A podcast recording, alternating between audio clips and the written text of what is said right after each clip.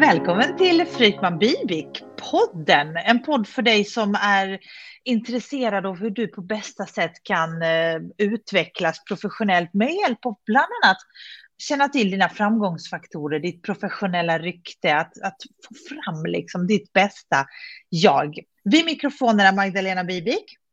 Och Per Frykman. Och det här är del två i en eh, miniserie där vi slår hål på några managementmyter. Förra veckan pratade vi om tre myter. Eh, just om eh, att expertis skulle vara det viktigaste, det tycker vi inte att det är. Att man inte är bättre än sitt senaste projekt, nej, det är inte riktigt så det heller och att man då inte ska bry sig om vad andra tycker. Nej, det håller vi inte heller med om. Så är det så att du missade förra avsnittet, gå tillbaka i flödet och lyssna för att det är det här är en fristående fortsättning på det här. Och de myterna vi pratar om, de kommer från din bok Per Cut Crap. Ja, det är eh, en, en spännande bok. Det är som jag skrev egentligen för att men den skulle vara lite ömsint provocerande och föda nya tankar och tankegångar. Och eh, det är en del som har hört av sig och tycker att ja, det är spännande. Ja, men lite så här, Frykman som annars är cool och så där ryter till lite plötsligt, lite grann. Ja, alltså ibland så blir jag lite både förtvivlad och less och smått arg på när man ser alltså hur det, det, finns så mycket myter och talesätt och, och, ja, som håller, håller, oss tillbaka. Jag tycker det är så himla trist. När man, när, för jag menar, vi går in i en lågkonjunktur där man verkligen behöver tänka på ett, på ett annat sätt och tänka nytt och inte bara hålla på på samma sätt som vi alltid har gjort. Menar, tiderna förändras och låt oss också förändras på samma sätt.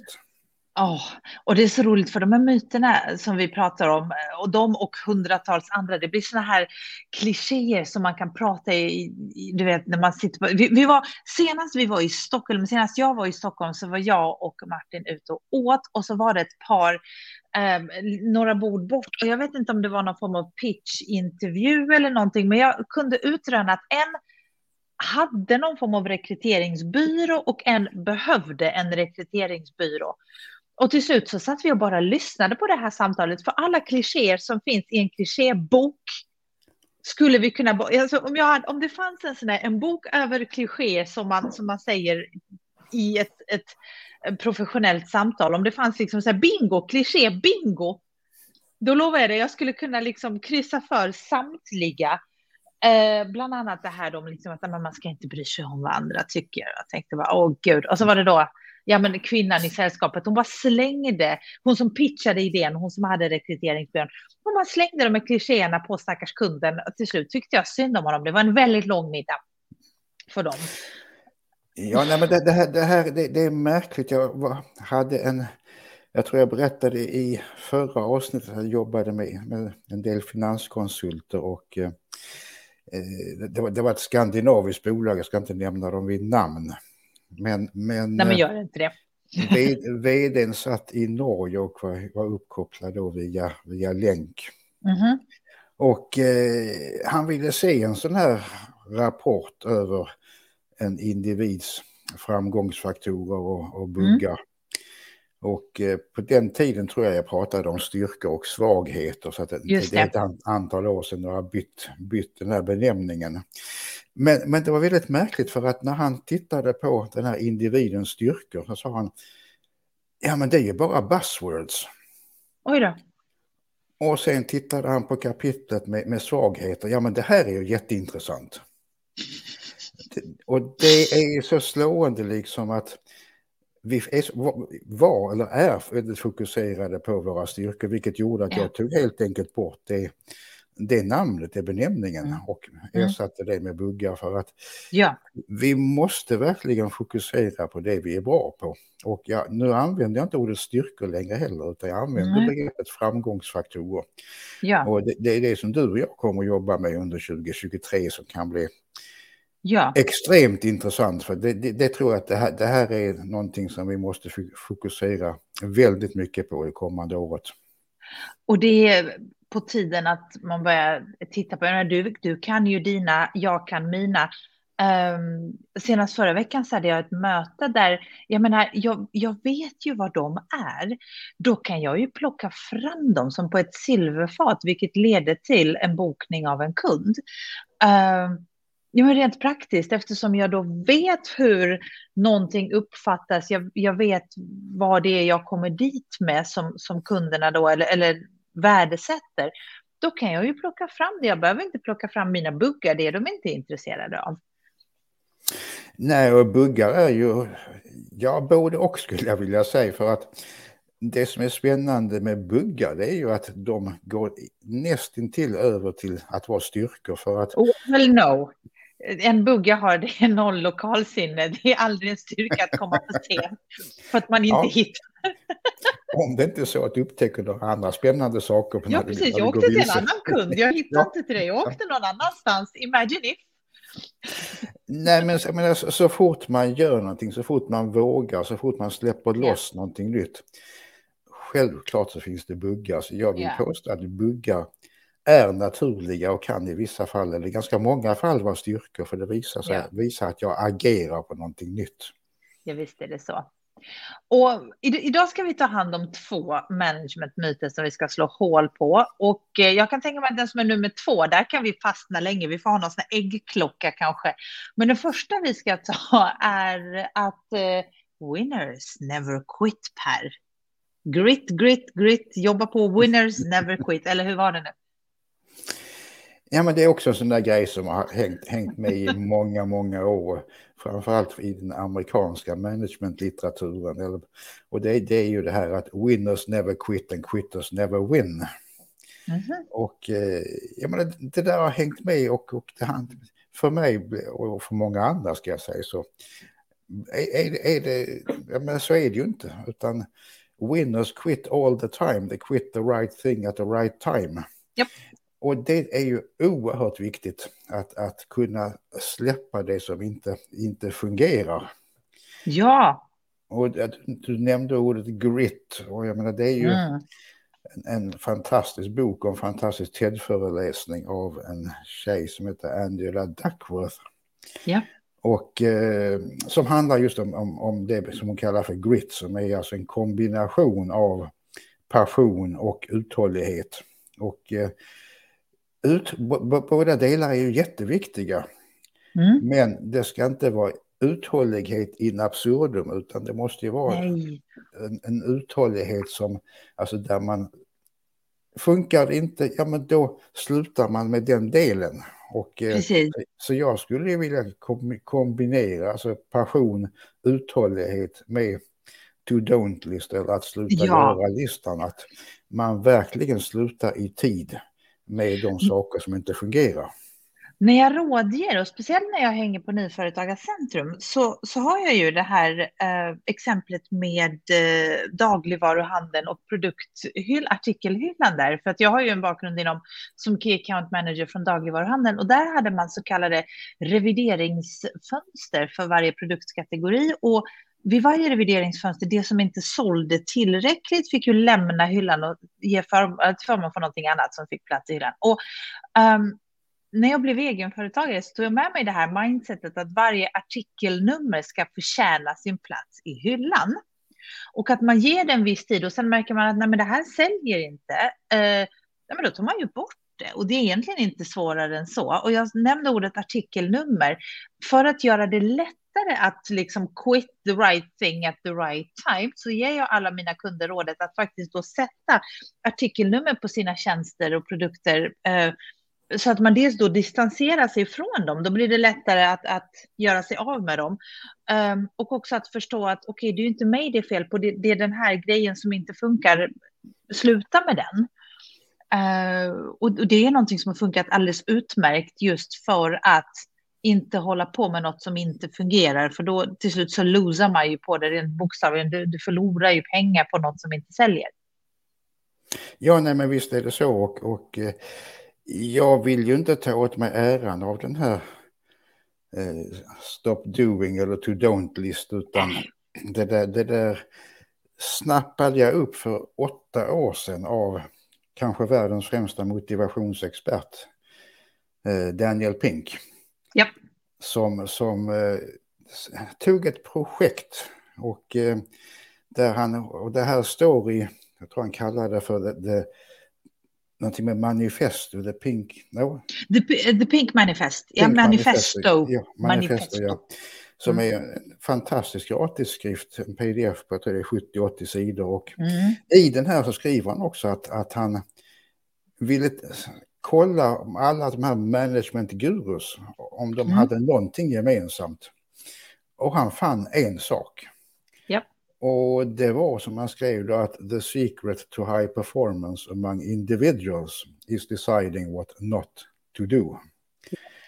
Och eh, jag, jag blev så fascinerad av det där, för vi, vi, vi är ju uppfostrade med att man ska göra alla de här to-do-lists och, och helt plötsligt så kommer någon och säger att vi ska göra en to-don't-list. Så skönt. Ja, och när jag sen liksom började jobba med den själv och sen började läsa vad andra skrev så upptäckte jag, jag menar att förutom Daniel Pink så Seth Godin, Jim Collins, Rachel Botsman som är kanske världens främsta. Ja, tack. Jag tackar för den jämförelsen. Alla använde på ja. olika sätt sin to-don't-list. Och eh, ja, jag har ju jobbat med den i åtta år. Jag, jag, alltså att mm. sluta med grejer som inte fungerar, det, det skapar ja. både effektivitet och det skapar livskvalitet. Det, det är en, ja, alltså det, det, är nog den viktigaste myten jag har slagit hål på för mig själv. Sen är det faktiskt så att det är lättare sagt än gjort, men då kan jag säga till alltså, att, att det blir lättare och lättare allt eftersom. Första gången man ska säga, ska man säga nej till, till liksom då sig själv på en att sluta göra lista så är det mycket lättare än om man ska säga nej till någon annan. Men det är värt besväret att ta sig igenom de första gångerna att säga nej, för att sen blir det lättare och lättare och lättare. Uh, precis för en vecka sedan så hade jag ett samtal där jag eh, fick en förfrågan om att, att göra någonting som det verkligen inte finns tid i min kalender för. Eh, det finns inget utrymme och det är inte heller relevant. Eh, och jag blev nästan lite stolt över mig själv för hur jag direkt sa att nej, tyvärr, det finns inget utrymme. Och det kom väldigt spontant, vilket, vilket också var tecken på att då kanske jag kommit över den här initiala att oh, nej, oh, hur ska jag liksom, utan nu kommer det att nej, sorry. Um, det tar en stund att ta sig dit. Ja, och det, det, det är ju också det undermedvetna som, som, som fungerar och eh, eh finessen tycker jag med den här to don't list det är ju, det är ju ja, utfasningsfasen. Ja, ja, att man, man fasar ut saker för att så fort jag känner i, i magtrakten att mm, det, här, mm. det här känns inte bra, den här kunden känns inte, ja och så vidare, det kan vara olika sammanhang. Ja. Så gör jag, gör jag bara en notering i min to-don't-list som jag har, har, i telefonen för att ha den nä, ja. nä, nära till. Och jag tar inga beslut, jag bara skriver ner det där. Mm. Och sen en gång i månaden så, så gör jag som de flesta andra som jobbar med de här to-don't-list. Jag går in och tittar vad som har hamnat där och hittar jag liksom en röd tråd. Ja men då tar jag ett beslut att nej men detta ska jag fasa ut eller ta bort. Precis. Ja. Och med respekt för tiden kunna fasa ut det, för det är inte så kul att ringa till en kund och säga att du hamnade på min att sluta göra-lista, så att tyvärr så. Utan Sorry, det we're over, we're done. Under, ja, precis. Nej, men det här blir en undermedveten process där vi hela yeah. tiden eh, fasar ut saker och, och eh, det kan ta lite olika tid. Jag menar, ja, ditt, det, ditt beslut var ju ganska momentant, men jag tror att det har ändå legat och malt i det undermedvetna. Ja, och det, ja, ja. det är ju finessen med den här to don't-list, att det hela tiden så eh, per automatik så, mm. så, kommer man att fasa ut och då skjuts man emot det område där man är som bäst och har som roligast. Det vill säga att ja. då kan man också på ett väldigt smart sätt kombinera passionen med uthålligheten, alltså passionen. Eh, och, och bara så, jobba med det som funkar. Ja, ja, nej men det, det sker per automatik så att eh, Eh, sen, den, sen den vänta lite. Sen är det då så här att det finns ju andra hållet beteende där man eh, har skapat en idé och tänkt att men nu ska den ut och efter tre veckor så säger man nej nu det har inte hänt någonting på tre veckor. Man, alltså det, det är inte etta nolla, ibland så kanske man ska ha lite uthållighet men, men här handlar det om att veta vad man ska sluta göra och när. Och ibland för dig som är impulsiv lyssnare som tycker att nu har jag skapat den här produkten och det har gått tre veckor och jag har bara sålt fem. Lugn nu. Eh, det kanske behövs lite tid. Så detta är för dig som håller kvar vid någonting in absurdum och tänker att men nu är det två år och jag har sålt noll. Ja. Nej, och samtidigt, jag menar, jag har ju jobbat med, blivit nörd inom området reputation i 12-13 år nu. Och eh, det är ju helt beroende på att jag har tagit bort väldigt mycket som ja. dels som jag inte vill jobba med och också man kan då föra över till sitt nätverk eller till, till kollegor och ja. Eller, ja, som du och jag kommer att jobba ihop. Ja. Och, eh, för, för mig är det liksom, ja, återigen effektivitet och livskvalitet i ett. Och jag menar, jag har ändå varit uthållig, alltså ja. nörduthållig och blivit ännu mer nörd på området. Men, men det är också beroende på att mycket har hamnat på min att sluta göra-lista, ja. to-don't-list och försvunnit ut i någonstans där, de inte, där jag inte behöver vara. Just precis. Ehm, jag har också blivit mycket bättre på att eh, få bort saker, eller då som jag, jag gillar ju uttrycket artikelnummer, det känns extremt opersonligt, men också, ja men det, ja, det, det, är inte vem jag är, det är vad jag skapar. Så att, att, få bort artikelnummer då som inte fungerar, som inte säljer och veta att men nu är det faktiskt, och jag bytte ju, jag gjorde en, jag justerade min nisch ska jag säga, för jag bytte egentligen inte, men jag justerade den. Uh, och hade jag inte gjort det så undrar jag om Eh, jag, menar, alltså det, det var, jag hade skapat någonting som jag var intresserad av och hade inte riktigt eh, varit lika kundfokuserad på vad kunden behövde eller ville ha av mig. Och eh, där måste man veta när det är dags att men nu bör du faktiskt justera för att det är ju inte dig själv du jobbar för utan det är faktiskt kunden du jobbar för. Och när jag gjorde den justeringen eh, så blev det alldeles lysande. Så att man liksom och även om det handlar om att kill your darlings så måste man kunna göra det. Mm. Nej, men jag tycker Rachel Botsman som jag pratade om har skrivit en artikel om hur hon jobbar med sin to-don't-list och hon skriver ju väldigt tydligt att vi är uppfostrade av hävd att fylla på våra to-do-lists. Mm. Men vi är inte uppfostrade att ta bort saker. Och för henne, henne var det nästan en, en upplevelse när hon började mm. jobba med den här to don't det är kanske två, tre år sedan. Mm. Ja, den är helt fantastisk. Jag har också en månatlig sittning med mig själv när jag utvärderar. Det, är väldigt, det, är väldigt, det känns väldigt bra. Ta bort, du, man får ta bort sig själv. Det. Ja, men precis. Nej, men faktiskt, jag gjorde ju det en gång i en tidigare yrkesroll. Jag skapade en business där jag faktiskt tog bort mig själv Eh, uh, där jag inte var tvungen att vara på plats och det var väldigt skönt. Uh, nu är inte karaktären och mitt jobb just nu på det viset och jag skulle inte vilja ha det så, men där och då så behövdes inte jag, utan det kanske behövdes en person på en plats, men det var inte tvunget att det skulle bli jag, vilket också var väldigt skönt uh, att kunna komma till. Men det var en helt annan karaktär på, på det jobbet. Men du, eh, nu du, så ska vi prata om en grej till i det här avsnittet och vi ska prata om personliga varumärken. Mm. Sätt igång! Nej, men jag ska väl säga först att jag, jag, jag, har ju faktiskt skrivit en bok om personliga varumärken. Så jag har ju varit, jag har ju varit i, den, i den trakten. Och eh, mm. eh, idag, säger, idag säger jag egentligen så här, eller jag kan säga så här att jag föreläste mycket då om personliga varumärken och jag märkte att det var en del opposition. Det var, det var ganska många som under föreläsningen sa att nej men jag är inget varumärke, jag är en person. Eh, och det där kom igen gång på gång och vilket då födde en, en tanke. Liksom. Vid något tillfälle så sa jag, men du har ett reputation, du har ett professionellt rykte. Ja, ja, sa de. Det, och det köpte man, så att där, mm. där svängde jag själv över.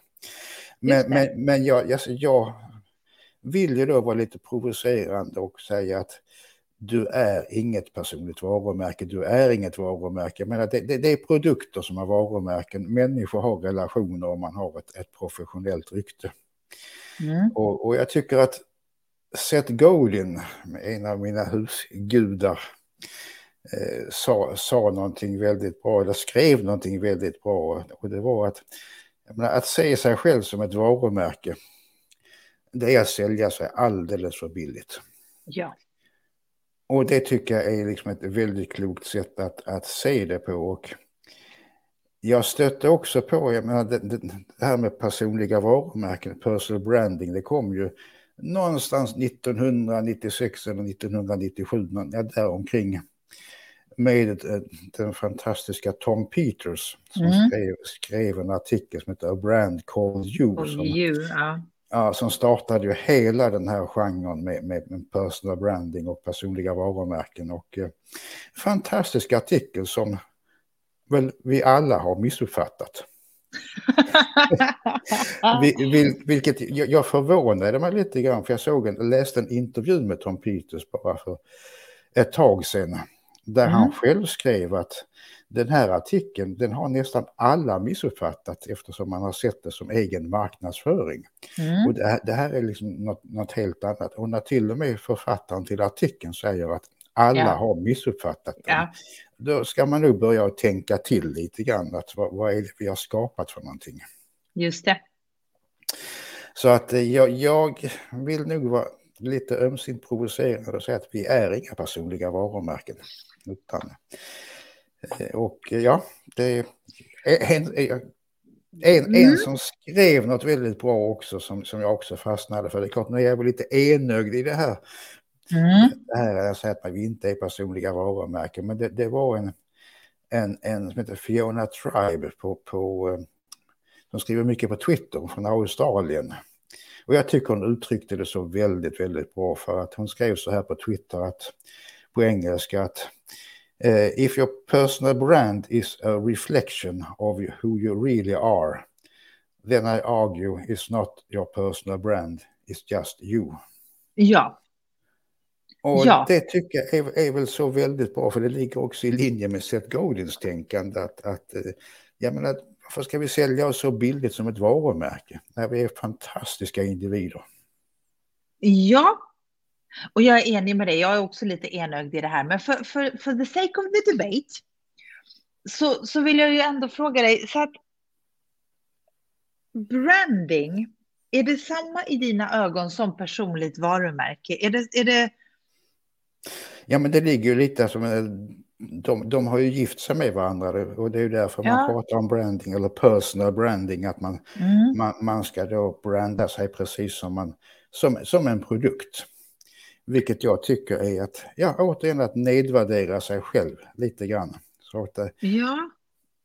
Och, och, men vi men gör sen... mitt case, vi, vi, vi, gör, vi gör så här. Min, min branding, så som jag skulle vilja ha i, hos mig, alltså Magdalena och hos BBCO, uh, det är, liksom, det är lite svartvitt, det är lite minimalistiskt, det är kanske ett visst uttryck och en viss tonalitet. Det är det som liksom folk känner igen mig på. Och, och lite så här, mitt professionella rykte, det är ju mina framgångsfaktorer. Eh, som, där är det ju ingen som pratar om minimalism och svartvitt, och, utan det pratar man om helt andra saker. Eh, i min branding ser jag ju liksom nästan lite grann som, som mitt grafiska manér och min, liksom mitt, mitt uttryck och min konsistens och kontinuitet. Är det då olika definitioner, tänker du? liksom? Nej, men för mig blir det liksom olika saker. Jag, jag, jag mm. vill inte gå emot begreppet branding för att det, det är en viktig sak som många företag mm. sysslar med. Och, och menar, man bygger logotyper och man håller på med en massa olika Eh, färg, färgkombinationer, alltså du pratar om att du agerar ofta i svart. Eh, men, men det är liksom en annan, annan nisch, en annan, annan sak. Och det, det handlar ju om branding naturligtvis. Men som personal branding i, idag så, så, har det hamnat väldigt mycket på en marknadsföringssidan som också Tom Peters vänder sig mm. mot. Det handlar inte om att marknadsföra sig som ett varumärke. Utan nej, nej. Och eh, där kan man ju koppla ihop naturligtvis branding med reputation, vilket är ja. två, två sidor av samma mynt och kombinationen är mm. ju, är ju fantastisk egentligen. Precis, så det är ju egentligen inget fel och tvärtom så är det nästan återigen, precis som vi pratade i förra avsnittet om, att expertis egentligen är en hygienfaktor. Jag skulle säga att det som vi ibland kallar för branding är en hygienfaktor för professionalitet.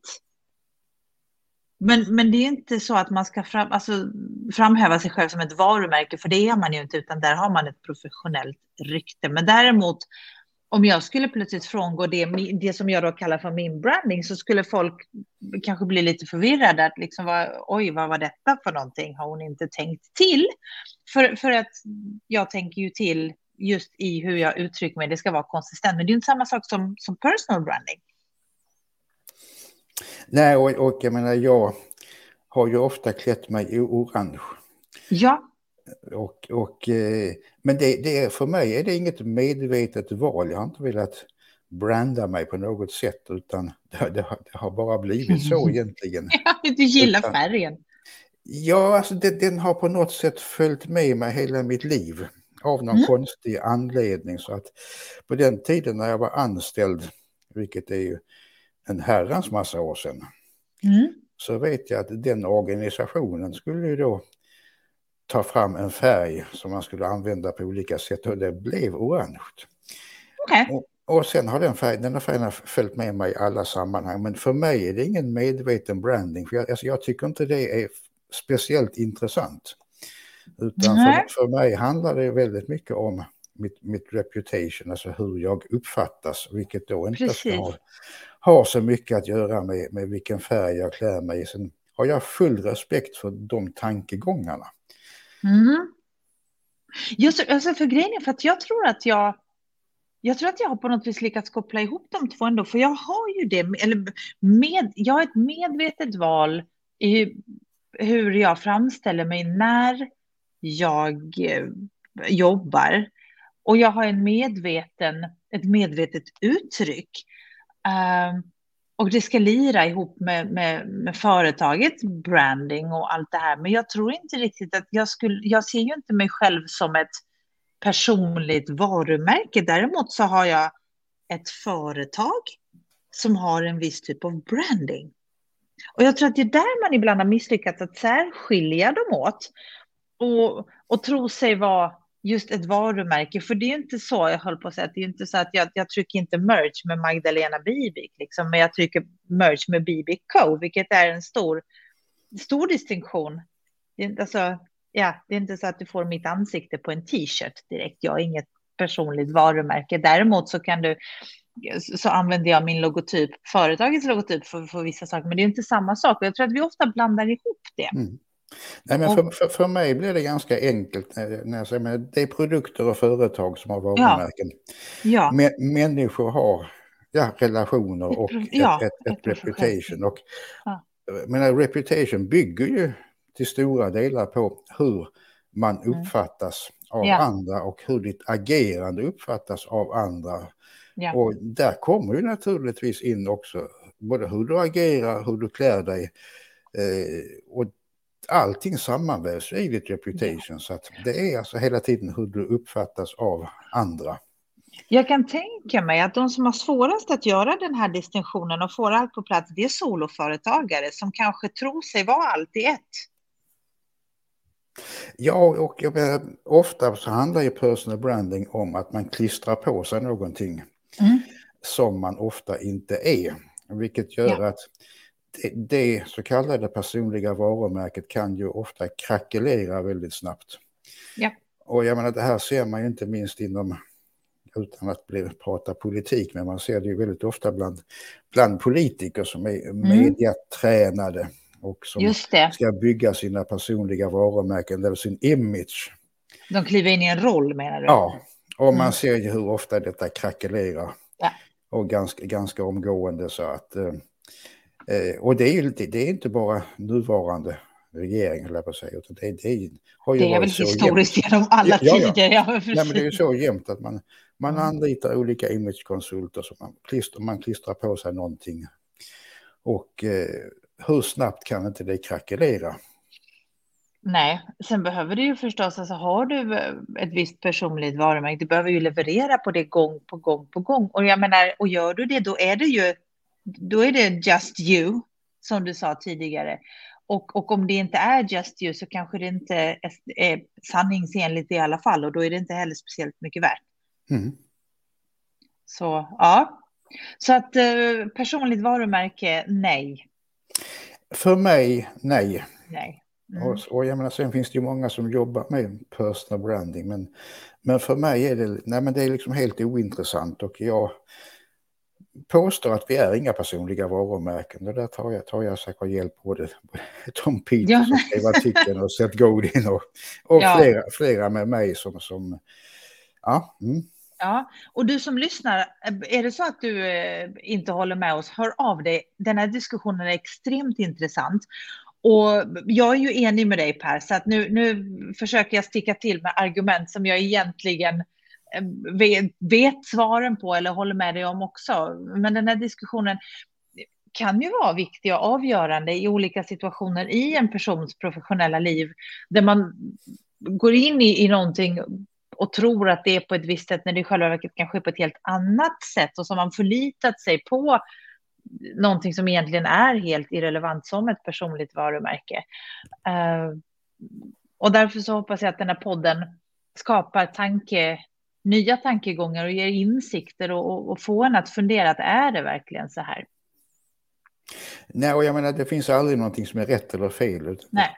Det finns ett antal olika aspekter och infallsvinklar och möjlighetsfönster.